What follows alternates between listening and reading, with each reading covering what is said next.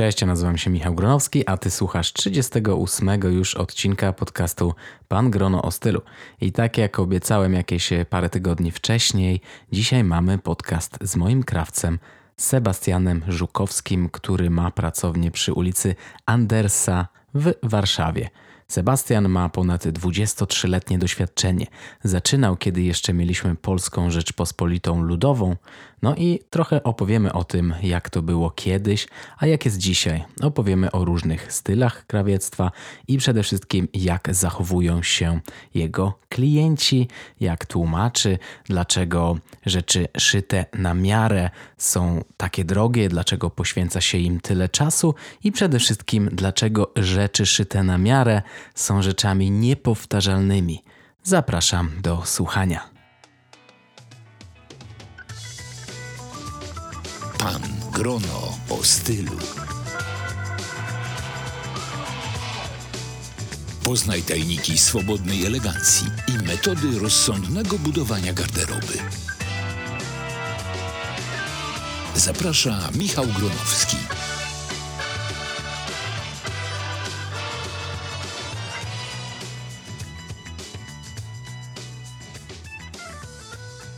Cześć Sebastian. Cześć. E, Sebastian Witam jest, wszystkich. Sebastian jest e, krawcem, jest też e, moim krawcem. Ma swój zakład w Warszawie na ulicy Andersa. Sebastian, powiedz, ile ty w ogóle lat już jesteś krawcem? Za 23. 23 lata. E, Powiedz mi, jak w ogóle to się zaczęło, e, że mm, zacząłeś być krawcem? Jak ten pomysł się narodził w e, twojej głowie? Bo to E, taki dosyć, to taki dosyć nietypowy e, zawód w dzisiejszych czasach.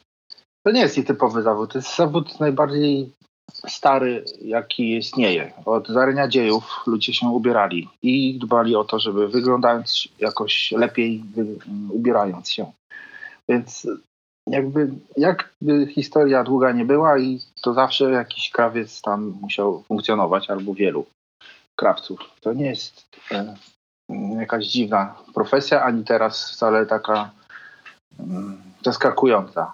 Może dzięki fabrykom odzieży została trochę zepchnięta w cień, ale nadal są jeszcze klienci, którzy wymagają e, od e, z siebie i od swojego wyglądu dużo więcej i do tego potrzebują krawców, ponieważ żadna masowa produkcja nie zastąpi wysokiej jakości odzieży. No to na pewno, ale kiedy zdecydowałeś się właśnie, że to będzie krawiectwo, będzie twoim E, Wiesz zawodem, co, no to musimy się cofnąć do szkoły podstawowej, gdzie rozwijały się moje mm, umiejętności i wrażliwości estetyczne. Mhm. Kiedy zacząłem dostrzegać, y, że sprawia mi przyjemność patrzenie na osoby, które umieją y, się tak skomponować swój ubiór, który, że sprawia mi to patrzenie na to radość. A i- jakie to Oczywiście. były lata? To wtedy były jeszcze lata PRL-u, prawda? I wtedy... To jest chyba PRL-u y, i początek y, przemian. Y, U nas w podstawówce były kioski, w których dzieci kupowały kolorowe pisma z jakimiś gwiazdami amerykańskimi, typu Tina Turner i Madonna, y, co wykrzywiało jakby trochę postrzeganie wyglądu No właśnie, no bo ludzie jednak na ulicy zupełnie inaczej wyglądali niż e, ci w tych e, Tak, zachodnich gazetach. zakochiwali się w, w gwiazdach, które mogły sobie pozwolić na wyglądanie ciekawiej i inaczej. Ale są też, znaczy były przykłady takich dzieci, które sobie same e, adoptowały odzież do e, jakby, żeby wyglądać podobnie jak te gwiazdeczki z tych pisemek. Ja sam e, pod koniec szkoły podstawowej kradłem ojcu, bo już byłem kawał chłopa, kurtki skórzane z szafy, których on już się nie mieścił, a miał i tam schowane. I na przykład obcinałem rękawy, malowałem, naszywałem na nich jakieś emblematy, zwężałem sobie spodnie, bo moja matka miała w ogóle większość matek wtedy miały maszyny w domu. No tak, moja mama do dzisiaj ma. No więc właśnie i, i one, ten, ponieważ jakby odzież się naprawiało, albo się ją prze, przerabiało, kiedy dzieciak rósł, albo dostawało się od y, sąsiadki, czy, czy ciotki, czy od kogoś znajomego odzież po ich tam dzieciach, które wyrosły. Wymieniali się ludzie ciuchami. no i trzeba było te, te rzeczy adaptować do rozmiarów, e, długości nogawek, obwody, inne takie rzeczy. No i też e, dzięki temu nauczyłem się widzieć i tworzyć. Już w podstawówce jakieś e, takie miałem zapędy, żeby coś z czegoś zrobić. Zawsze potrzebowałem coś, mieć swojego innego niż wszyscy. Nigdy nie potrafiłem się dopasować, wbić w, na przykład w mundurek szkolny. Mhm. Proszę wyobraź sobie, że u nas były w szkole mundurki szkolne do jakiegoś czasu. No, no właśnie, ja tego nie miałem na szczęście. No, tak, no, wyobraź sobie, kołnierzyk był przy, przypinany guziczkami biały, a bezkołnierzykowa koszulka y, była wymogiem do noszenia z jakąś tarczą na brzegu, tam, rękawa. No więc nawet jeśli chodzi o te koszulki, to sobie można było w domu te koszulki pozmieniać, tak, że każdy miał po swojemu ją ubraną tą koszulkę i żadna dyrekcja nie mogła z dzieciakami nic zrobić. No więc ja też takie miałem wybryki, że wydziwiałem z tymi koszulkami. Czyli już wtedy Korzy... mamie zabierałeś e, maszynę do szycia i próbowałeś coś robić ze swoimi no, ubraniami? raczej zabierałeś, raczej z nią negocjowałem, kto uh-huh. może się do niej tam przysiąść, bo to były takie czasy, że każda rzecz w domu była mm, raczej chowana przed dziećmi, żeby uh-huh. nie zepsuli. Także tak. to ja musiałem nie, mocno tam z matką współpracować, żeby w ogóle mieć dostęp do maszyny, bo jak się maszyna zepsuła, to problem. To, to awantura. I co, już, już e, po podstawówce stwierdziłeś, że właśnie chcesz być e, krawcem, że radość ci sprawia? Nie, ja stwierdziłem, że chcę być artystą i będę malował, robił zdjęcia, że będę rzeźbił, nie wiem, coś takiego. No, ale ponieważ e, zawsze tworzyłem coś rękami, kleiłem modele, um, latające modele, mhm. kartonowe modele, no, wtedy były, wtedy były takie gazetki z kartonowymi modelami. To był chyba mały modelarz, coś takiego. Dokładnie. To ja to sklejałem z tatą. Mam jeszcze do dzisiaj. No właśnie, ja ten, oddałem jakimś tam znajomym na strych i tam sobie gdzieś leżą. Ale faktem jest, że ja sam do tego doszedłem. I tam z rodzicami nie kleiłem. Ale miałem warunki na szczęście w domu, bo dość duże mieszkanie było. I miałem taki wielki stół Siedziałem wieczorami po szkole i modelowałem po prostu. Bez przerwy coś dłubałem rękami. Tu sklejałem, tam wycinałem nożyczkami, bez przerwy coś robiłem. Nie bawiły mnie latanie po podwórku na przykład i za piłką kompletnie. Mhm. Y, grałem, sportem się interesowałem w szkole i, i, z kolegami jakby jako towarzysko, ale nie potrzebowałem niczego innego, jak wrócić i coś zmontować. Interesowałem się elektroniką też przez jakiś czas, chemią, y, mieszałem różne odczynniki. Generalnie tworzenie czegoś z niczego. Taka siła, która wiesz, zostaje ci w głowie i męczy. Jak mhm. nie zrobisz czegoś, to czujesz się niespełniony i jest szczęśliwy. Tak, tak ja mam. No więc e, jeśli chodzi o tą y, artystyczną stronę, to y, się ta sytuacja nie nie, nie udała, nie, nie, nie, nie dostałem się do szkoły plastycznej, bo tam czegoś nie, nie dorobiłem, e, nie dopilnowałem, nie udało się, nie pamiętam właściwie dlaczego. Mhm. Ale wcale nie żałuję, bo że, że dostałem się na praktyki do wybitnej wtedy pracowni w Gdyni. Krawieckiej. Ręcznego krawiectwa, mhm. tak. I najpierw to byłem wściekły właściwie, że muszę ale jak zobaczyłem to, co tam się tworzy, dotknąłem tych materiałów, zacząłem zobaczyć, zobaczyłem, jak można formować materiał i jaki on jest piękny, jakie są efekty tego, to, to zakochałem się w tym po prostu. I... No, a te tkaniny jeszcze wtedy nie były takie jak teraz. No nie, nie. I to One były raczej polskie tkaniny, Były prawda? dobre. Nie, nie, nie, nie. nie? Masz rację, bo ja trafiłem naprawdę do ekskluzywnego Aha, lokalu. Okay. Jak do jakiegoś tam krawca pana Zbigniewa, co tam poprawki robi, to nie było. To ja trafiłem do, do salonu mody najlepszego w Trójmieście właściwie. Najdroższego, najwyższej kategorii. Właścicielem tego lokalu był e, prezes cechu krawców w Trójmieście. Więc e, no, to było na, najwyższe możliwe miejsce do nauki. A byłem wcześniej w kilku pracowniach, które no, były takie sobie, jakieś mundury szyły, takie nic ciekawego. Ale tu chodzi o to, że mnie interesowało tworzenie, a nie zszywanie szwów. Mhm. Bo praca na, na zasadzie usiąść do maszyny i już jej rękaw albo boki, albo szyi jedną część z drugą częścią, to, to, to, nie, to nie ja. Ja uciekam od takich prac. Ja nie lubię robić twórczych rzeczy, które są nie tworzą niczego wielkiego. Nie mam na tym, nie mogę nad tym zapanować. A tam już mogłem sobie pom, pom, kombinować z kieszenią, z klapą, z formą barków, e, z kierunkiem układania się materiału. Czyli, przepraszam, e, wtedy, jeśli chciało się być krawcem, to po prostu szło się do zakładu krawieckiego i tam e, uczyło się od tak. samego mistrza. Były tak, były zakłady, które przyjmowały ucznie, uczniów i to były stopnie. Uczeń, czeladnik, a potem mistrz. A mhm. jeszcze wcześniej stażysta między czeladnikiem, znaczy między uczniem a czeladnikiem. I też było to podzielone na damskie i męskie krawiectwo. To było bardziej zróżnicowane i bardziej precyzyjne wszystko. Okej, okay, ja myślałem, że, to... że, że, po prostu były szkoły krawieckie, a, a to... Mhm. krawieckie i uczyłeś się teorii i tam byłeś tylko na początku trzy dni, a potem tylko dwa dni w tygodniu. Aha, czyli też chodziłeś do takiej szkoły.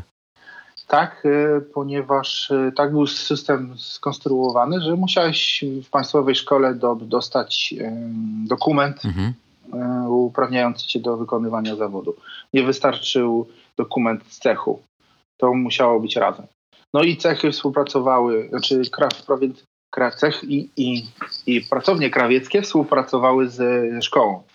Ja wyobraź sobie, byłem w ostatniej klasie krawieckiej, jaka w ogóle w Polsce była. I byłem jedynym facetem na całym roku. No właśnie, to mnie też się interesowało. E, a w ogóle. Ostatnia klasa krawiecka. Potem już nie ma, już są tylko e, w zawodówkach klasy dla szwaczek, mhm. a potem są już technika dla technologów. A to był przełom ma... E, w Polsce w zasadzie tych kiedy kończył się PRL i zaczynała, no można powiedzieć, taka wolna Polska. Tak, e, dokładnie Ustrój się zmieniał. Mhm. Wszystko się zmieniało i ktoś wtedy zadecydował, że w tej nowej rzeczywistości nie trzeba rzemiosła. Nie tylko rzemiosło krawieckie zostało usunięte z nauczania e, powszechnego, e, to jeszcze inne kowalstwo, jakieś takie metalurgiczne sytuacje, drewno podobne. Naprawdę wiele, wiele branży e, tych szewskie klasy też nie.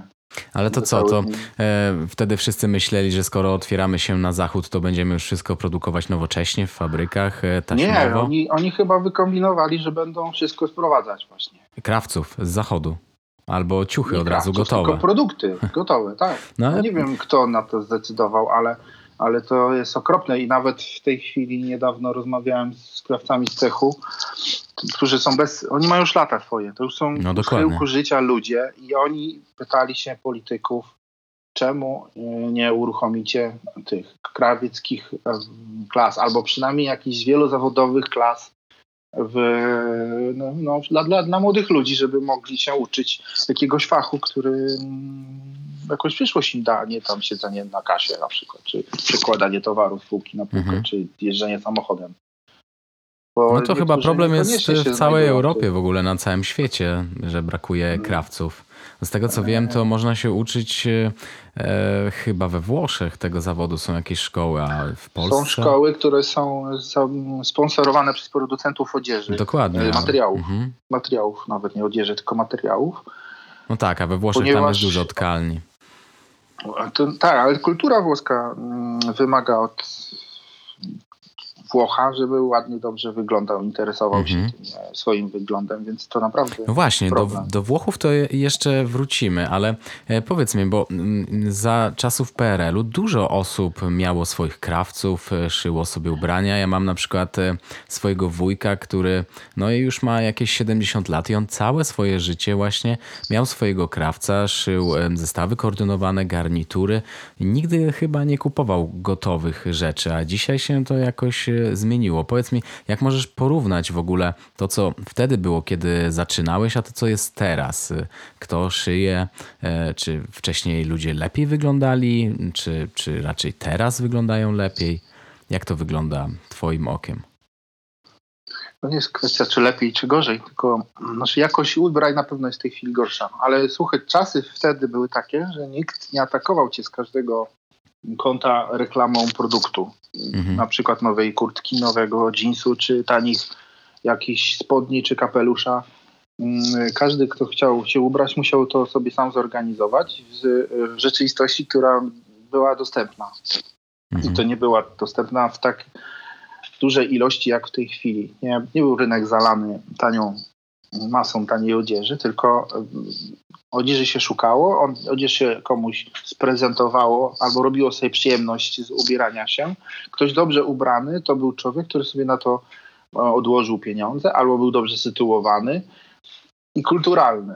Odzieżą in- informowałeś o, o otoczenie, że pochodzisz z dobrze sytuowanej rodziny, albo że jesteś po prostu człowiekiem kulturalnym e, bardzo. I No to akurat dzisiaj poniekąd zostało no w nie, niektórych nie, kręgach. bo, bo w bardzo niektórych wiele kręgach. osób dzisiaj em, nie potrzebuje się dobrze ubrać, żeby czuć się bardzo mm, dobrze w swoim niedobrym ubraniu. No niektórzy wolą się tylko drogo ubrać, a niekoniecznie dobrze, no ale to już jest, zależy co komu się podoba. Ale to mm, chciałbyś No też... tak, ale to Mhm. Czy drogo, czy to ceny nie mają znaczenia, bo możesz się dobrze ubrać i wyglądać na drogo ubranego w e, sposób ym, tani w zasadzie, bo, bo tak jak mówię, jest masa miejsc, gdzie możesz sobie te używane e, A, no dokładnie. odzież ogarnąć i ją sobie przerobić na przykład. Jeśli Mhm. masz na tyle wyobraźni i, i kogoś, kto ci to dobrze zrobi, Możesz też po prostu trafić na jakichś em, wyprzedażach czy w jakichś e, miejscach, gdzie są rzeczy e, skądś tam zwiezione, e, wybrać sobie coś i też się uda. Tylko trzeba mieć wiedzę.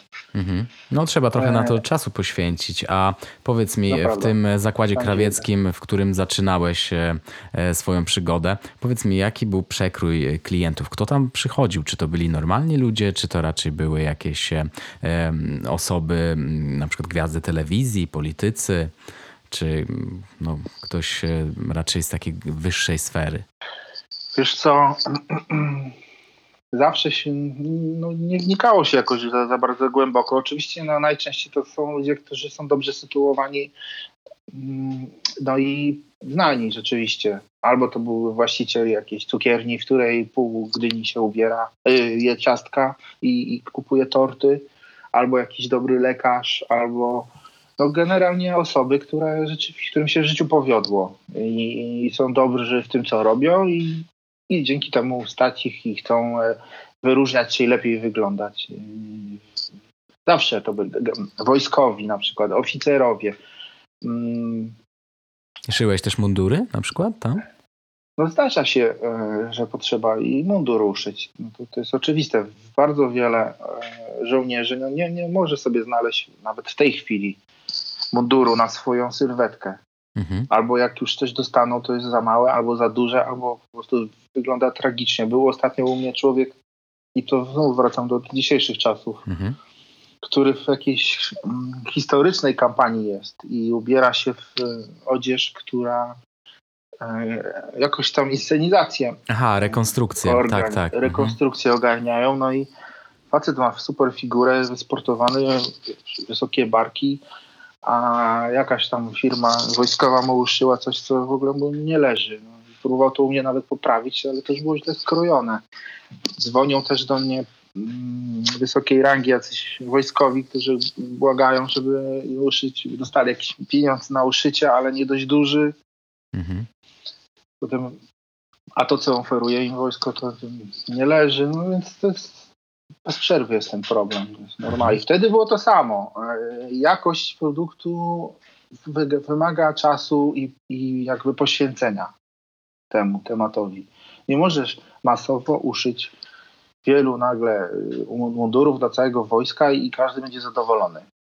Nie da No. się. No dokładnie. A e, wtedy jakie to były najczęściej realizacje? To było jed- jednak więcej garniturów, czy takiej odzieży codziennej? A jeśli garnitury, to, to jakie to były garnitury? Ciekaw jestem, jaka wtedy była moda.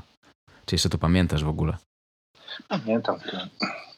Pamiętam oczywiście, to, to wiele się nie zmieniło, tyle że materiały były bardziej siermiężne, bo to faktycznie były bielskie wełny na początku. Dopiero u Wiśniewskiego w tym zakładzie najwyższej jakości, do którego trafiłem w trzecim roku mojej nauki, tam poznałem materiały jakości skabala. To był pierwszy skabal, jaki w życiu widziałem i dopiero wtedy zobaczyłem, e, jak pięknie może garnitur wyglądać, jak może leżeć i jakie są piękne wzory, kolory i w dotyku, jakie one są przyjemne, te, te materiały. Do tej pory pracowałem na, na naprawdę siermiężnych materiałach. I nikt mnie jeszcze do tego nie uczył um, jakości produktu. Ja musiałem się sam interesować tematem i doszukiwać, dopytywać. E, no i sam się uczyłem tak naprawdę, bo ci krawcy, to z nimi pracowałem, to też były już dziadki. Mhm. I tam mieli jakieś tam swoje opowieści z mchu i paproci o jakichś tam klientach i klientkach. Do tej pory znam takich krawców starych, którzy mają różne historie i opowiadają je przy każdym naszym spotkaniu. O jakichś krawcach, którzy na przykład przyjmowali klienta, który był bardzo męczący. Mhm. Zawsze mu coś nie leżało. I za, tam piątym razem szef idzie od tego klienta z tą kapo, kapocą do tego krawca, co to szył i mówi, wiesz co, nienawidzę go i, rzu i rzuca tą marynarką w kąt. Nie? Gdzie najdalszy kąt w pracowni, gdzie już tylko leżą pajęczyny mhm. taki, i, jakieś tam ścinki i zapomina o tej marynarce. Za tydzień przychodzi ten klient i szef się podchodzi do kawca, pyta, panie krawiec, gdzie? Gdzie ta marynarka jest, to tam wtedy przyniosłem. No rzucił pan ją w ten kąt, tam leży. No to ten szef bierze tą marynarkę, strzepuje te pajęczyny, oczyszcza, nie, z tych wszystkich tam mchuch tam i tych kurzów. Idzie do klienta, a klient ubiera marynarkę, patrzy w lustro i mówi, no, widzi pan, o to mi chodziło. To chyba, chyba mi już to kiedyś opowiadałeś, ale to, to dobre jest. No. no. O, ciekawe, no czy, tak. ciekawe, czy na mnie to kiedyś zastosowałeś. Nie, nie, nie zastosowałem, bo jeśli coś u ciebie nie było nie tak, to ja było nie tak. Nie no, żartuję. Ja ale u mnie też się sylwetka bardzo często zmienia, więc pomiędzy jedną przymiarką a drugą rzeczywiście może być jakaś różnica we mnie, a nie w marynarce. No Ale tak. to... Ja też wiele rzeczy zostawiam tobie, żebyś ty albo zaakceptował, albo powiedział, że to byś zmienił, bo, bo możesz według mnie wyglądać dobrze, a sam się czuć mhm. niekomfortowo. A to do, ja do tego jeszcze, do tego tematu, y, jak y, my razem szyliśmy, wrócimy. Ale powiedz mi, jakie wtedy były w tych latach, kiedy zaczynałeś, jakie to były garnitury? To były garnitury na trzy guziki, czy bardziej jakaś klasyka? Jak, jak to wyglądało? Jak było wyglądało dopasowanie wtedy garniturów? Tak wysokie były zapiny. Nawet na cztery guziki były Aha. w 90 latach w pewnym momencie. Ale... No tak, 90 lata, no to tak, to, to tak, wtedy nie, nie były najlepsze lata, jeśli chodzi o e, estetykę. No nie o garnitury nie. Jeśli o dyskotekę, to tak. Tam nie, este, est, estetykę. Ja wiem, ale mówię o estetyce garniturów. Aha. Po garniturach chodzili ludzie eleganccy, mhm. No nie? którzy sobie szyli na przykład garnitury i tam zażyczyli sobie garnitury na trzy guziki z wysokim jeszcze kamizelką, która była jeszcze wyżej. Ale na przykład w modzie takiej młodzieżowej, muzycznej, to było szaleństwo. Słuchaj, to tam to w cekiny jakieś, wiesz, irokezy, mm, bransoletki na całe ręce do łokcia, buty. No, lata 90. Złote. teraz wracają. Trochę ta obciachowa no, moda, jest... która każdy myślał, że wszyscy po prostu rzucimy ją w niepamięć, ona, ona wraca. Ja zauważyłem, że w ogóle jest taki trend, że co chwilę się powtarza. No, Jakby no dokładnie. To jakieś pokolenie wraca do dziadków. No, dokładnie. A nie teraz... do rodziców. Rodzice się opatrzyli, ale dziadki byli interesująco ubrani. Tak jak nasze pokolenie w tej chwili zachwyca się dziadkami naszymi, którzy byli właśnie ubrani w elegancko. Boję się, że na przykład patrząc na mnie, na ciebie, jak się ubieramy, nasze dzieci albo te pokolenie po nas, będzie na nas patrzyło nie, to, to takie było, tak jak tata, to ja nie chcę wyglądać, -hmm. ani jak wujek. Ja sobie popatrzę jak dziadek. No i znowu się cofnie do lat 90., tak jak to teraz jest. No. no. sporo młodych osób, jak zaczyna swoją przygodę z modą klasyczną, to właśnie ubiera się nieco dziadkowo na samym początku. Brakuje im trochę luzu. E, tak. A po, powiedz mi, czy w ogóle zawód krawca, czy to jest trudny zawód? Jak, czy możesz to w To jest niewdzięczny zawód w tej chwili mocno. A trudny jest, nie wiesz, dla, dla kogoś, kto sobie radzi świetnie, ma wyobraźnię i manualnie jest uzdolniony i faktycznie może sobie poradzić, że nie denerwuje go na przykład długo, długo tam szycie jakiegoś poprawianie, przez te prucie, znowu poprawianie. No to, to nie jest trudne, ale rzeczywiście, żeby coś nie było trudne, to musisz masę czasu spędzić nad tym, żeby to nie było trudne dla ciebie. Czyli musisz masę rzeczy uszyć. Musisz dużo błędów popełnić i dużo razy musisz usłyszeć od innych ludzi, że coś jest źle.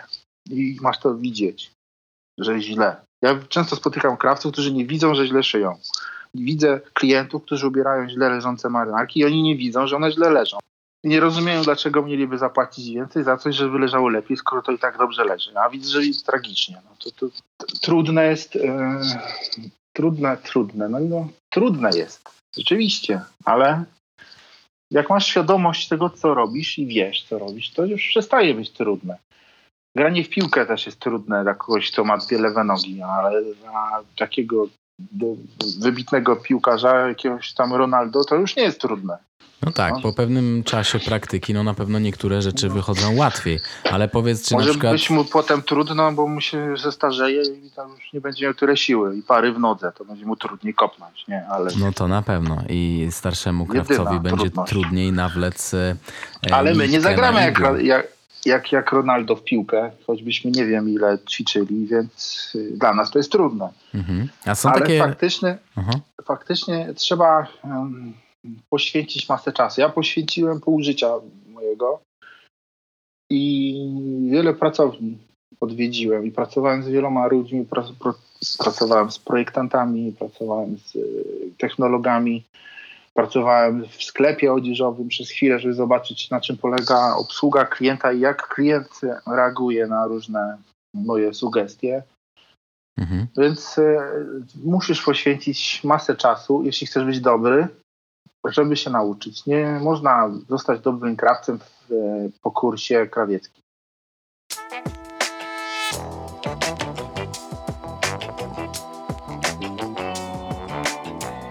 A są jakieś elementy, które nawet po tylu latach są dla ciebie e, trudne albo są dla ciebie wyzwaniem? Czy to... Czy, czy, Każde czy wyzwanie jest dla Mhm. mnie kwestią wyzwania do, do rozwiązania problemu. Problem do rozwiązania, a, a nie ma takich problemów, który bym nie rozwiązał, więc może to najwyżej trochę dłużej czasu Mhm. zdanie.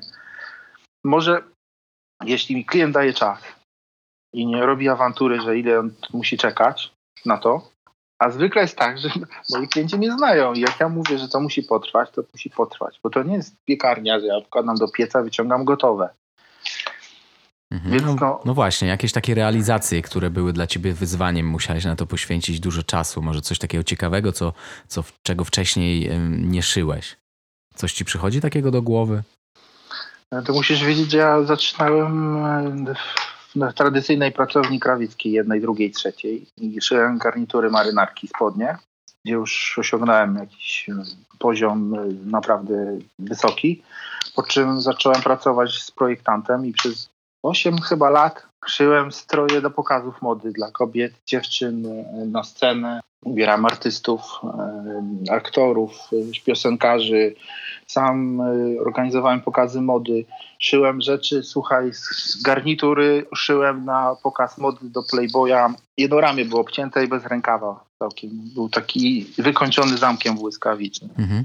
Są gdzieś tam zdjęcia. I Mhm. wyobraź sobie, że ten model, który go ubrałem, miał może 100, 150, z, może 160 wzrostu, umięśniony, taki. To taki Szedł- nietypowy na modela z takim wzrostem. Oczywiście, a jego a modelka była y, od niego głowę wyższa i o 20-30 kilo tęższa, z wielkim biustem i biodrami.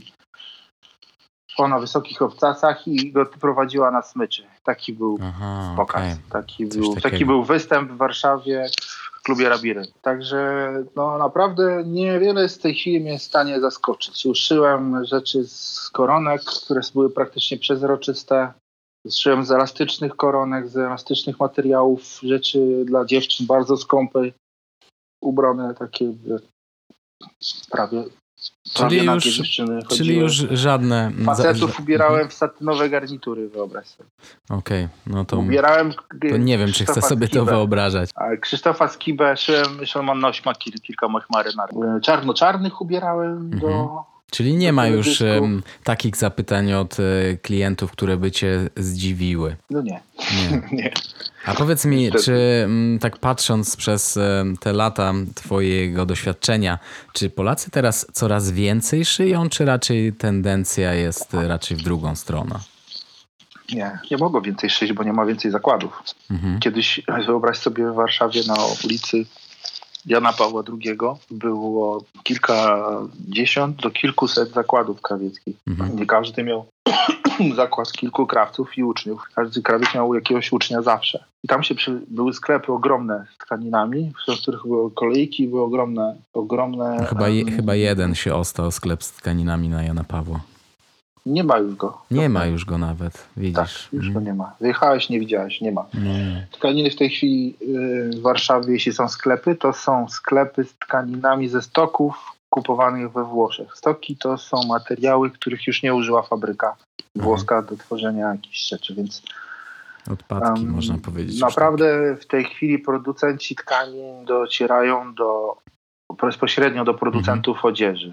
Mm, Sklepy z tkaninami są w odwrocie, ponieważ tkaniny nowe, z nowych kolekcji, które są właśnie zaprojektowane, które są zrobione według nowych technologii, mm, są tak drogie, że sklep nie jest w stanie kupić w dużych ilości, żeby leżały na magazynie i czekały na klienta. Dlatego wprowadzono bancze, czyli takie książki z próbkami. Mhm. Ja też nie mógłbym mieć takiej oferty tkanin, gdyby nie ukłon ze strony producentów do mnie, że czy ja od nich zamówię, czy nie zamówię materiał, yy, że mam od nich propozycje. I oni produkują. Oczywiście nie każdy może dostać taki bunch, ponieważ to kosztuje pieniądze. Ale dobry krawiec, yy, słysz, o którym się słyszy i o którym wiedzą yy, znawcy, dostaje ofertę, przychodzi producent, znaczy przedstawiciel producenta do pracowni i pyta się, czy nie zechciałby rzucić okiem, nie chciałby proponować swoim klientom naszych tkanin.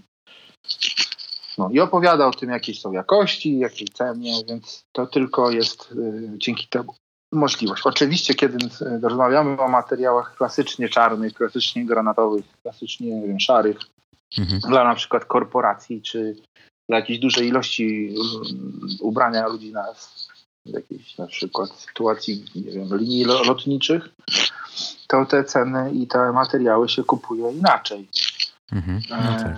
Ale to są też, raczej też takie e, tk- tkaniny, które nie wychodzą z mody. One są cały czas e, w Tak, ofercie. Mhm. e, to prawda. Więc te materiały się produkuje w, w ciągu sprzedaży, ale też jak kupujesz ich więcej, to inna cena. Mhm. Czyli teraz ludzie coraz mniej szyją. No wiadomo, jest coraz więcej, znaczy no coraz więcej. Jest Ale po to prostu... nie jest wina ludzi, że coraz Mhm. mniej szyją, tylko e, rzeczywistość ich teraz nas otacza. No, my jako krawcy nie możemy przecież kupić e, reklamy w, e, tym, No tak, w no i, telewizji czy, czy na, na ulicach billboardów nie porozstawiam, że, że jestem krawcem, że na tyle nie uszyję. A gdyby nas było więcej, gdyby cech krawców nadal uczył uczniów i kultury ubioru ludzi i zaczęliby ludzie rzeczywiście korzystać z tego, to myślę, że bez problemu.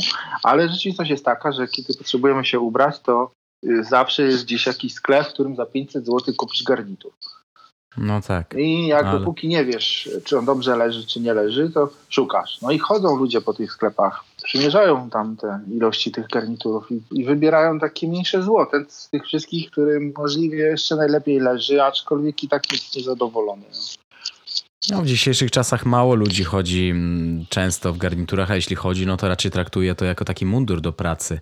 Ale powiedz mi, czy na przykład jeśli trafia do ciebie mm, jakiś klient i pyta o garnitur na miarę, czy często masz takie sytuacje, że musisz tłumaczyć, czym się różni na przykład taki garnitur e, na miarę, na przykład e, szyty metodą made to measure, e, załóżmy w jakimś sklepie mm, sieciowym, a coś takiego od ciebie, no bo na pewno na samym początku są zaszokowani ceną, ale czy często musisz tłumaczyć z tego, z czego to w ogóle wynika?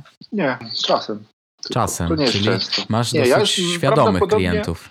Tak, prawdopodobnie dzięki moim staraniom, żeby moi klienci głośno mówili o tym, skąd mają swoją odzież yy, i o mojej tam pracy w internecie i mediach społecznościowych i jeszcze i właśnie nie tylko mojej pracy, bo i twojej pracy mhm. jako, jako tego propagadora mm, dobrego ubioru, a jeszcze innych osób, które też y, o mnie pisały.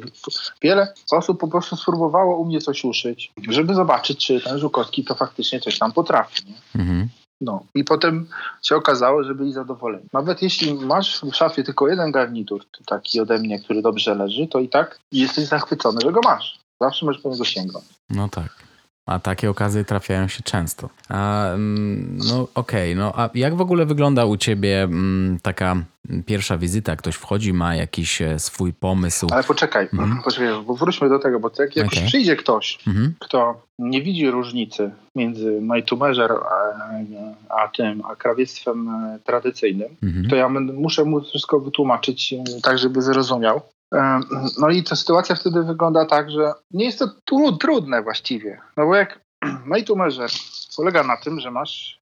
No właśnie, tak pokrótce, roz, może opowiedzmy o tym. Tak, no. Jest kilka rozmiarów garnituru, które masz y, do przymierzania dla klientów. Różnej tęgości, wzrostu i w ogóle figurze. I teraz krawiec taki jak ja, czy sprzedawca, na przykład, który jest zatrudniony w te miejsce, musi wiedzieć, co w tym garniturze zaznaczyć, żeby producent garnituru, odnosząc się do tej wzorcowej. Do takiego szablonu.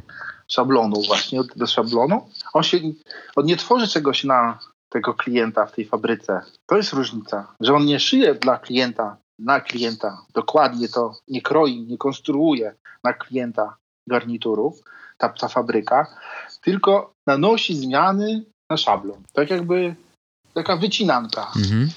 No tak, miał... szablon tam ma załóżmy nie, tak. 5 cm w obwodzie, tu, wytniesz, to tu troszkę tam, dodamy. Mhm. tu, tak, tu odejmiesz, tak i to ma niby tam leżeć. Tymczasem człowiek jest zbudowany, każdy jest inny.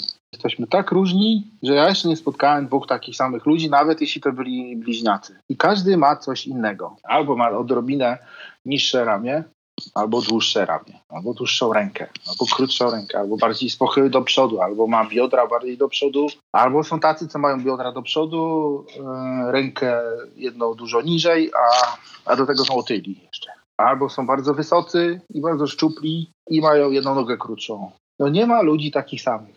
Nie można ubrać szablon i go zawsze przykroić do kogoś i będzie dobrze. No prawda. Tak mhm. może się ubrać tylko osoba, która rzeczywiście ma regularne, regularną figurę zbliżoną do tego rozmiaru jakiegoś wytypowanego, a nie ma tych rozmiarów 500, tylko jest ich tam e, z 10. Mhm.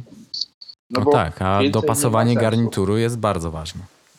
A podczas gdy przychodzi do mnie taki Michał Gronowski, który niesamowicie dba o swoją sylwetkę i pilnuje, żeby hmm. dobrze i prosto wyglądać.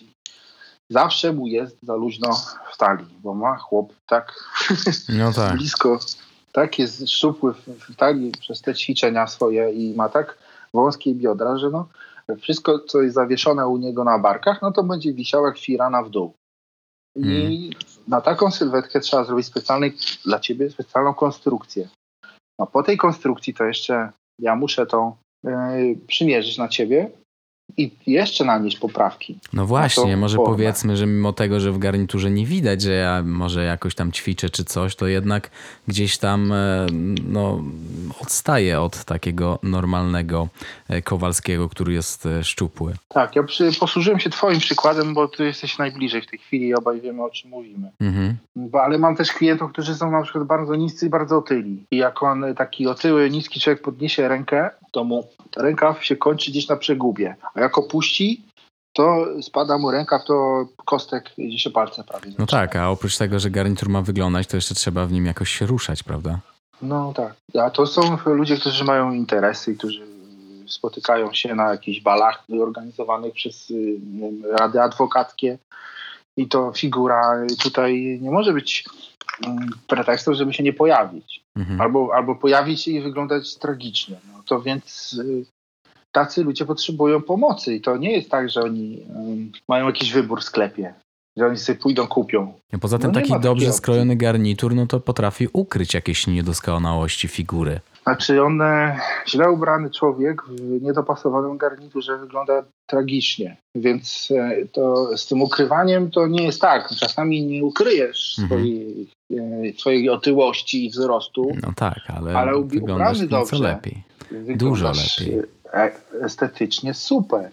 Naprawdę wyglądasz dobrze i nic tam się nie marszczy, nic tam nie ciągnie, nic nie podrywa nic, a mało tego, czujesz komfort w środku, nic się tam nie męczy. A teraz przyszło mi mm, coś do głowy, bo mm, pewnie obserwujesz Instagrama i widzisz tam, że mm, bardzo dużo osób, a szczególnie osoby, które ćwiczą, na przykład tak jak ja, lubią zakładać takie garnitury, które podkreślają każdy mięsień. I na przykład jak ja wrzucam swoje zdjęcia w, na przykład w twoich garniturach, niektóre osoby, które no, moim zdaniem się nie znają, mówią, że ja mam za duży garnitur na przykład, że to nie jest mój rozmiar. Co w ogóle, jakie ty masz zdanie na temat takich garniturów, które bardziej wyglądają jak jakieś e, streczowe mm, dresy? Czy, czy w ogóle wygodnie w tym się chodzi? Czy masz na przykład e, prośbę od klientów, żeby e, ich garnitury były jeszcze bardziej dopasowane, jak coś szyjesz? Najbardziej dopasowane garnitury to kobiety zamawiają. One potrafią wytrzymać w garniturze bez oddechu. Mhm. Praktycznie na płytkim oddechu, żeby guzik nie naprężał. A faceci tak, tak naprawdę wystarczy do nich dotrzeć.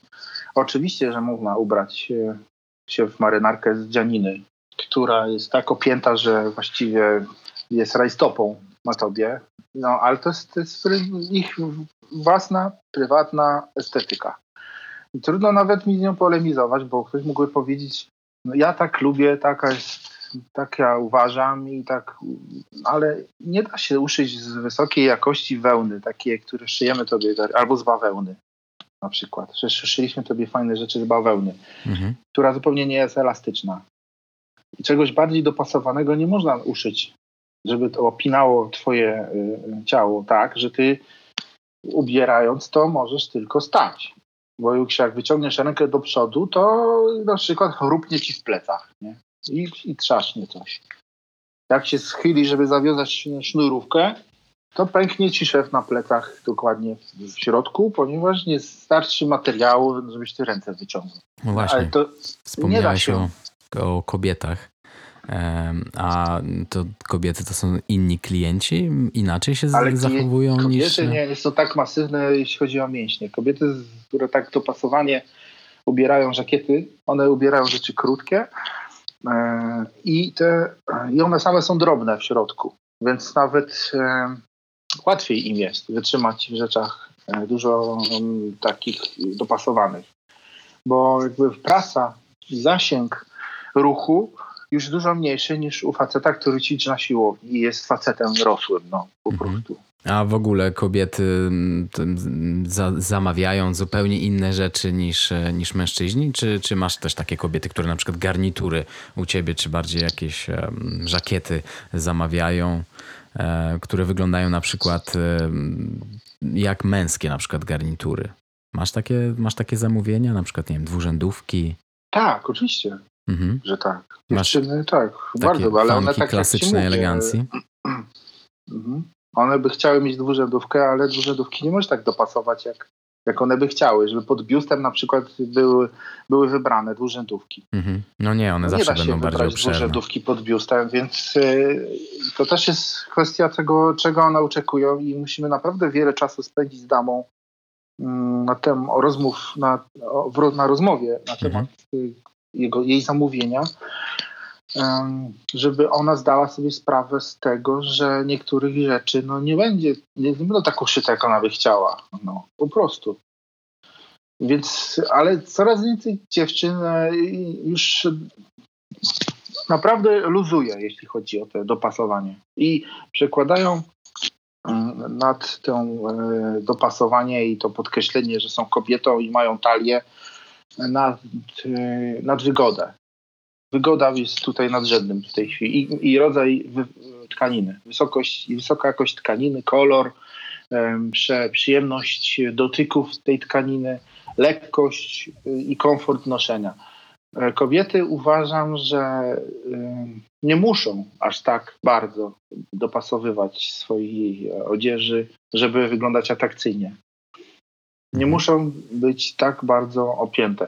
Jeśli czują potrzebę opiętej jakiejś garderoby, to są do tego golfy, jakieś sukienki mhm. elastyczne i są, są rozwiązania. Jeśli chodzi o garnitury, garnitur naprawdę nie, nie powinien być tak dopasowany, chociażby chciały, że trzeszczy, że ona jak e, siada, to już się napina szef na pupie do granic mhm. tam e, jakiejś możliwości, możliwości. Tej, tej tkaniny, mhm. no prostu. A powiedz mi, e, jakie fasony, kroje, style wybierają twoi klienci, jak się do ciebie zgłaszają? Mm, czy masz jakieś takie ciekawe realizacje, którymi mógłbyś się pochwalić też? Mm, wiesz co, najczęściej to, to klienci szukają rozwiązań, które sprawią, że oni będą wyglądać dobrze.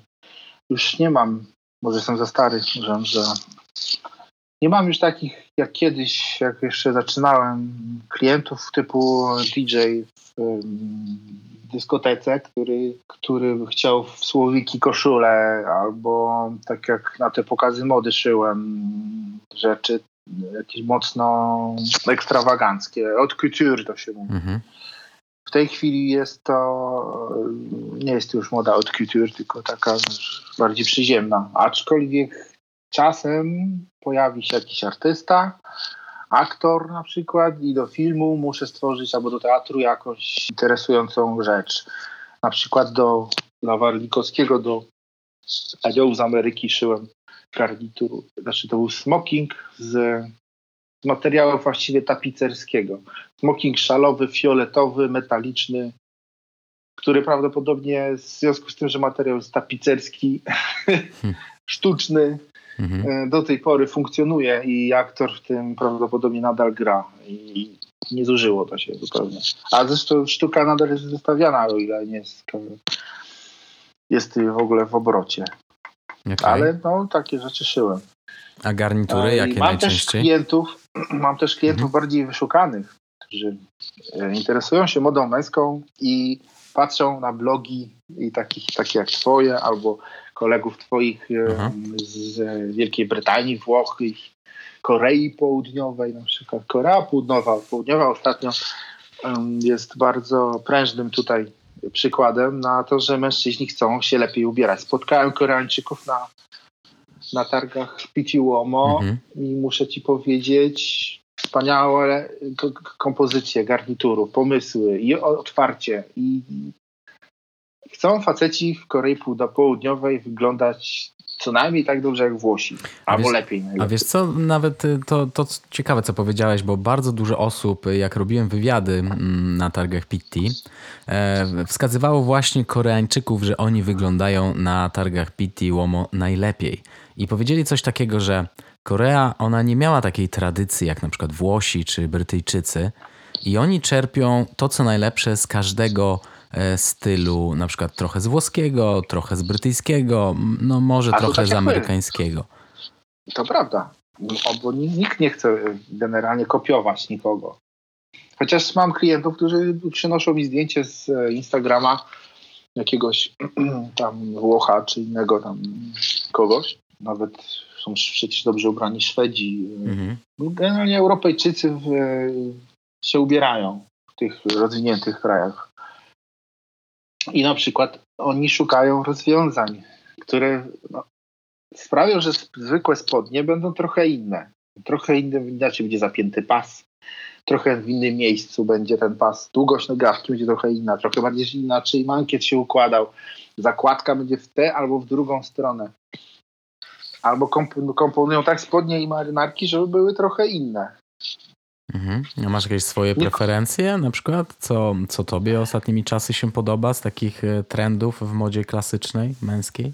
Podobają mi się te neapolskie rozwiązania i materiały. Bardziej, bardziej włoski styl. Może mhm. dlatego, że zaczynałem się zmieniać klimat i będziemy mieli tutaj Włochy w tej chwili. No Bo tak. kiedy, kiedy ja wspominam mojego dziadka, kiedy u nas zimy były takie, że się po pas chodziło w śniegu, to mi się podobały płaszcze angielskie, grube, takiej konkretnej wełny, szerokie klapy, kapelusze, takie fedory, szale, rękawiczki i, i te garnitury takie angielskie. Wtedy robiły na mnie ogromne wrażenie. Jak się uczyłem w zawodu, to formowanie tego płótna na wielu warstwach, także ona praktycznie ciężko, ciężko je było zgiąć w pewnym momencie, jak już było gotowe. Takie było i na tym się naciągało materiał, też gruby, więc to wszystko, marynarki to były solidne, konkretne rzeczy, które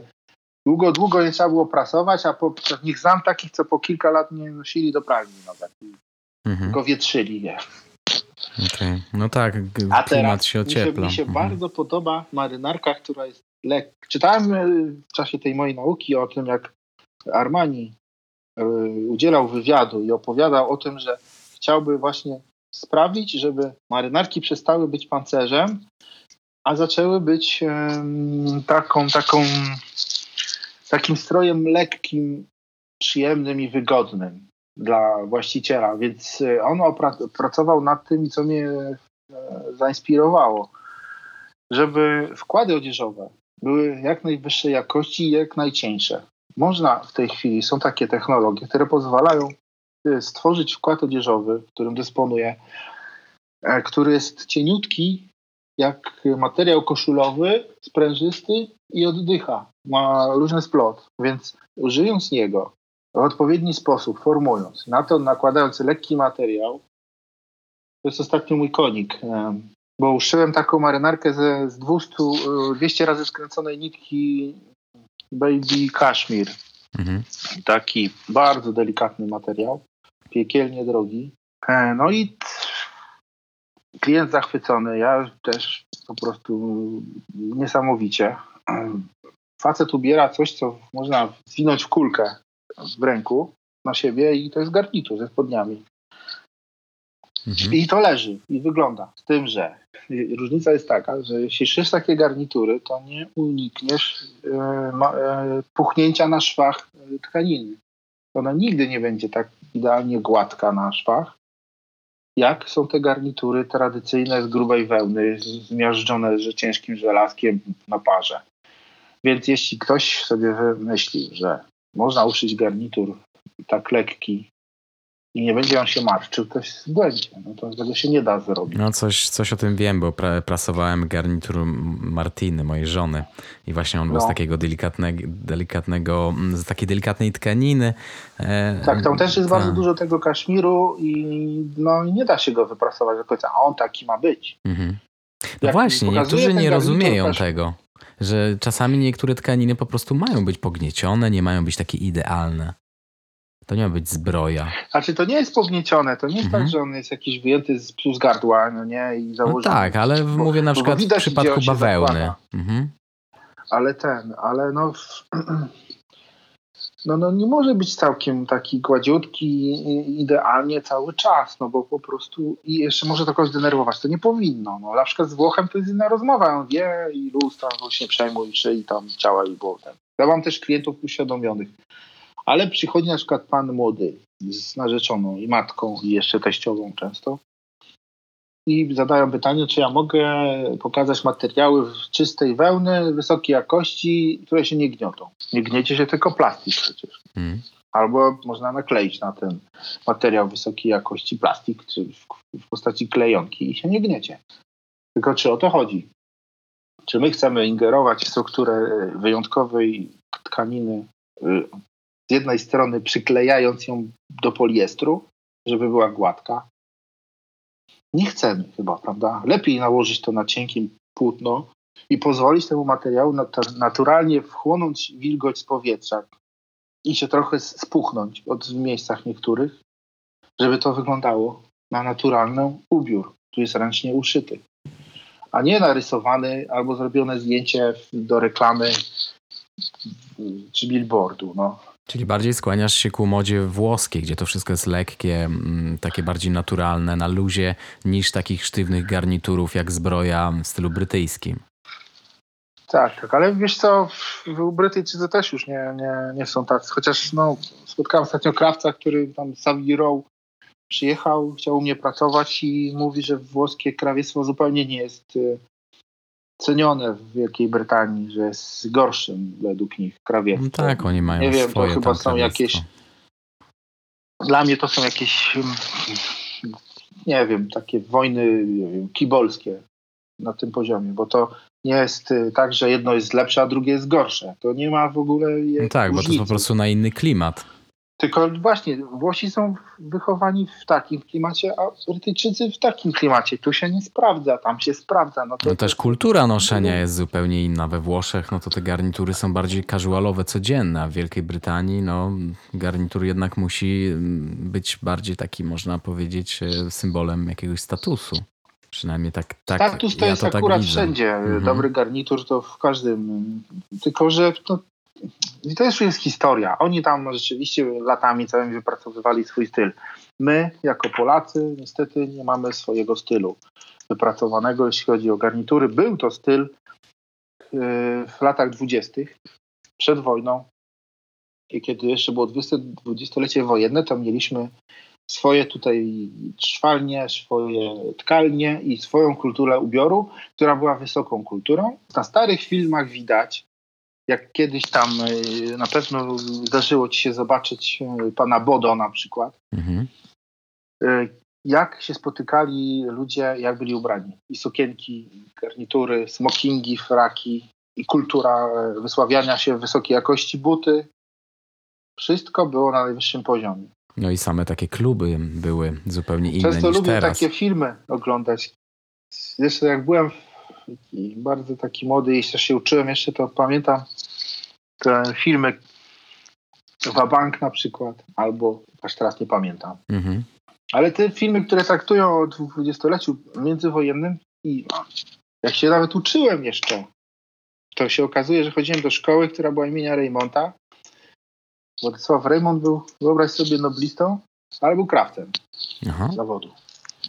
No, Poza tym, że napisał książkę, która mu dała Nobla, to jeszcze uda mistrzowski y, egzamin uszył frak.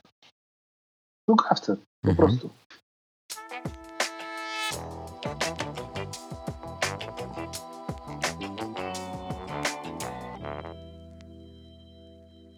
A uważasz, że krawiectwo miarowe to jest zawód, który ma przyszłość? Czy, czy raczej jest to coś, co będzie wypierane przez odzież produkowaną masowo w fabrykach? Ma przyszłość, dlatego że wszystko się nudzi. Jeśli nie zamienimy się w e, armię bezmyślnych e, pracowników e, korporacyjnych, to myślę, że mm, to jest jedna z form wyrażania się. Tak jak w kulturze śpiew, na przykład malarstwo. Nawet e, jeśli chodzi o samochody, to się produkuje samochody masowo i robi się samochody specjalne dla, dla jakiegoś klienta wybitnego, który potrzebuje czegoś więcej. E, dlatego uważam, że to jest genialny mój zawód, kocham go i na pewno nic nie jest w stanie wybić mnie z rytmu ani zmartwić. Martwi mnie tylko e, brak uczniów. No właśnie, nie będzie nowych krawców. Ja dla siebie znajdę miejsce na ziemi, gdziekolwiek by to nie było i zawsze będę miał klientów, ale żal mi, że ten zawód, e, ja potrzebuję kogoś nauczyć tego, prze, przekazać. A to wymaga, żeby ktoś się poświęcił dosłownie lata całe, żeby to robić. Bo to już jest sposób bycia, sposób życia, pomysł na życie. To nie jest zawód, jak, nie wiem, listonosz. Idziesz do roboty, wracasz do domu bierzesz pensję. Albo, nie wiem, mechanik samochodowy. No chyba, że mechanik samochodowy, który tworzy nowe samochody. Mhm. Albo remontuje, tworząc jeszcze jakieś nowe rozwiązania. Po prostu to jest za- zawód mocno twórczy. No tak, i trzeba być Mój. tym zainteresowanym, tak e, szczerze, w pełni. Jeden z moich znajomych teraz e, szkoli się na krawca. Taki, który Tak? pracował w jednym z eleganckich butików w Warszawie. E, Tylko akurat robi to chyba nie, nie w Warszawie. A tak już Podsumowując, em, czy możesz nam powiedzieć, że polski mężczyzna zna się na modzie? Jesteś polskim mężczyzną i znasz się na modzie, więc można tak powiedzieć. A dużo takich e, nas jest? Do mnie przychodzą tylko e, znający się na modzie, dobrze, dobrze znający się na modzie mężczyźni. Jak przychodzą e, mężczyźni, którzy się na modzie nie znają, to ich e, uświadamiam i sprawiam, żeby się na tej modzie znali. I wtedy zaczynają się chodzi- znać. Tak, zaczynają się znać, ale rozumiem, że chodzi ci o to, co widzę na ulicach. Też. Ja bym o tym porozmawiał z kobietami, szczerze mówiąc. Bo Mhm. kobiety najlepiej mogą powiedzieć o facecie y, o, szczerze, jak on tak naprawdę się zna na modzie. A znaje się tak na modzie najczęściej, że przychodzi z żoną, No właśnie, to było moje kolejne pytanie. Czy mężczyźni są ubierani przez kobiety? nie wszyscy. No, To wiadomo. Mhm. Muszę przyznać, że faceci, którzy są e, rzeczywiście samodzielni, przychodzą do mnie sami, nawet na własny ślub i mówią tak, panie Sebastianie, biorę ślub, zakochałem się, jestem szczęśliwy, bierzemy ślub tutaj wtedy i wtedy, chcę wyglądać jak milion dolarów albo jak James Bond co najmniej. A ja mówię, dobrze, myślę tu o jakimś konkretnym przypadku w tej chwili, który mnie w ogóle zauroczył. Mm, Mężczyzna, o którym mówię, no nie był jakiś mm, mega przystojny, ani mega dobrą miał figurę, ani był jakiś hop do przodu y, człowiek, tylko taki raczej cichy, spokojny typ urzędnika, spłoszony, ale na tyle miał dużo w sobie siły i za, samozaparcia, że nie, nie pozwolił pani na, na to, żeby nawet zobaczyła materiał, ani nawet wiedziała, co on będzie sobie szył na ten ślub. Więc dla mnie urósł w oczach po prostu niesamowicie, bo to była rzadkość, że żadna pani nie chciała tam rzeczywiście kontrolować, czy aby na pewno dobrze się ubrał. Bo Większość niestety przychodzi albo z narzeczoną, albo z matką, z siostrą, tam jeszcze z całą bandą i całą rodziną. A ten przyszedł sam. Są tacy jeszcze, tylko może nie aż tak mnie to zauroczyło jak ten jeden, który potem, ja mam wtedy zamówił smoking. Mhm. E, Uszyłem mu smoking szalowy, czarny, klasyczny, z muszką, butami. Wszystko było jak należy. I z kwiatkiem w butonietce. A nie mm, z jakimś tam wiązką gałęzi. Jak to częściej bywa w tej chwili. Mhm. Mi na koniec e, tego wydarzenia, na jakiś tydzień po ślubie, mm, takiego maila ze zdjęciem ze swoją panią i mówi, napisał w tym mailu, że że mi bardzo dziękuję, że jest zachwycony i że jak go zobaczyła żona przed tym ołtarzem, to ona się w nim jeszcze raz zakochała.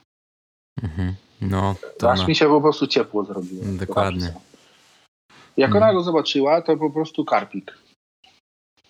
O, no to jeden z tych mężczyzn, którzy nie zostawiają wszystkiego kobietom. No wydaje mi się, że mężczyźni po prostu y, uważają, że jednak kobiety bardziej znają się na modzie Tak, ale chciałem ci powiedzieć, że to jest, to jest to rzeczywiście nie jest najczęściej. Najczęściej jest tak, chociaż bywają i skrajne przypadki. Przychodzi kobieta z mężczyzną, który ma być jej mężem i ona mu wybiera materiał, wybiera mu kolor materiału, fason materiału, y, garnituru, pomysł na, na to i ona patrzy, czy jej to pasuje do bukietu, na przykład kwiatów, albo czy jej się w ogóle podoba, a, a facet obok siedzi, albo kiwa głową, albo rozmawia przez telefon. Mhm. No może są wygodni, może im się po prostu nie chce samemu wybierać. No i tego nie rozumiem. Bo jak można nie, nie interesować się swoim wyglądem zostawiasz to tak o... No, my, my tego nie zrozumiemy, bo my akurat lubimy dobierać, wybierać i tworzyć jakieś nowe ubrania.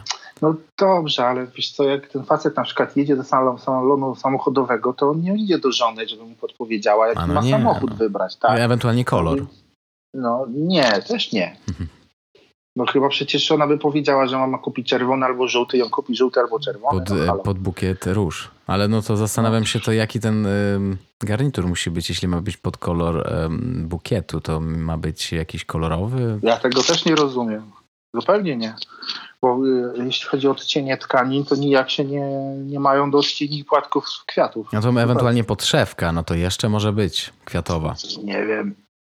Jakim No. kluczem, ale to są jakieś wewnętrzne tam rozważania No, właśnie w każdy, głowach tych pań. każdy jest inny, ale jak widać i tacy i tacy do ciebie wpadają, żeby coś uszyć, więc Tak, i na szczęście potrafię do każdego dotrzeć i z każdym się porozumieć i nawet y, te panie, które y, się pojawiają w mojej pracowni w związku z ubieraniem się ich e, narzeczonego, nie czują się skrępowane jakby atakowane przeze Mhm. mnie. Po prostu staram się rzeczowo ym, uzmysłowić, że niekiedy błądzą w jakichś swoich decyzjach, a ewentualnie podpowiedzieć też mężczyźnie, żeby jednak wy, wy, wykrzesał z siebie trochę zainteresowania swoim wyglądem, żeby czuł się komfortowo, więc dopytuje się tak długo klienta, nie słuchając jego partnerki, na czym by mu zależało, aż on w końcu powie, e, co- go najbardziej wnerwia w garniturach, czego nie znosi. Żeby i w tym dniu, kiedy wszyscy mają być szczęśliwi, nie, nie myślał facet, czy że źle wygląda, albo że, że jest przebrany, i że jest niekomfortowo tam się czuje. No. Ja ubieram od lat ludzi, którzy występują przed rzeszami jakichś, na jakichś wystąpieniach, tudzież występach. Więc e, wiem, że komfort psychiczny przy takim wystąpieniu jest najważniejszy. Nie może człowiek wystąpić przed masą ludzi, fotografami, fleszami, e, kamerami, jeśli się nie czuje komfortowo w, tym, w czym e, wygląda. Bo zawsze będzie źle wyglądał na zdjęciu, będzie gdzieś unikał tych zdjęć, Mhm. gdzieś speszony. no A on dokładnie. ma być uśmiechnięty, szczęśliwy. No to ważne jest, żeby być ubranym, a nie przebranym, prawda?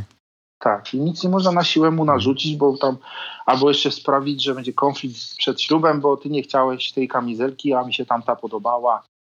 I Więc no, czasami te nasze rozmowy są żywiołowe, ale koniec końców przychodzą te panie do mnie i mi dziękują, że, że pomogłem. Bo one wielu rzeczy nie wiedziały, chociaż wydawało im się, że wszystko wiedzą lepiej. No, Mhm. na szczęście udało mi się. No, Nie a jak, szczerze są, mówiąc. a jak każdy jest zadowolony, to później taka pani też do ciebie przyjdzie, żeby uszyć sobie. Tak, wyobraź sukienkę. sobie, że ten, że przychodzi pani po sukienkę, albo przychodzi mama jakiegoś faceta, który był przyjacielem, czy tam bratem, czy, czy jakimś innym szw- szwagrem e, na tym weselu i mówi, że tak, ta, ta mama widziała tego tam młodego, że ona chce, żeby jej syn też tak dobrze wyglądał, więc mówi, synu, ja ci zapłacę za ten garnitur, tylko uszyj u tego Żukowskiego, bo to gdzieś tak wyglądał, jak tamten, co ja go widziałam. No i, i tak, tak ja zdobywam klientów, a nie billboardami na ulicach, czy sfotoshopowanymi jakimiś zdjęciami w gazetach modowych, gdzie właściwie wszystko możesz nam narysować tym Photoshopem i żadnej zmarszczki nie będzie na garniturze, nic po prostu. Mhm. No, to jak widać, masz cały przekrój społeczeństwa u siebie w salonie. Okej, mm, Sebastian, bardzo Ci dziękuję za tą ciekawą rozmowę. Myślę, że tutaj po, po tej mm, rozmowie mm, mamy nawet jeszcze więcej tematów, o których moglibyśmy w przyszłości porozmawiać. Bo tak. tutaj no, temat jest praktycznie nieskończony. E, Ja Ci bardzo dziękuję. Miło było spędzić tę godzinę na rozmowie. Ja również dziękuję, bardzo mi miło. Pozdrawiam wszystkich, którzy tego słuchają. No, e, to do usłyszenia następnym razem. Dzięki, cześć. Cześć.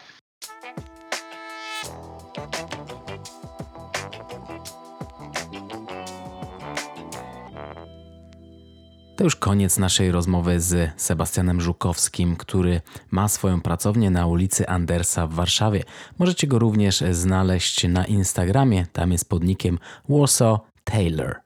Jak gdybyście chcieli zobaczyć jakieś realizacje Sebastiana, które wykonałem u niego, to możecie wejść na moją stronę pangrono.pl i wyszukać tam em, takiego zielonego garnituru z bawełny z targów Pitti Uomo i kurtkę safari, taką beżową, wykonaną z lnu. Ona również y, towarzyszyła mi na targach Pitti Uomo we Florencji. Wpiszcie Pitti Uomo i dwa ostatnie artykuły prawdopodobnie będą właśnie zawierały elementy garderoby uszyte przez Sebastiana Żukowskiego. Zapraszam do czytania tego wpisu.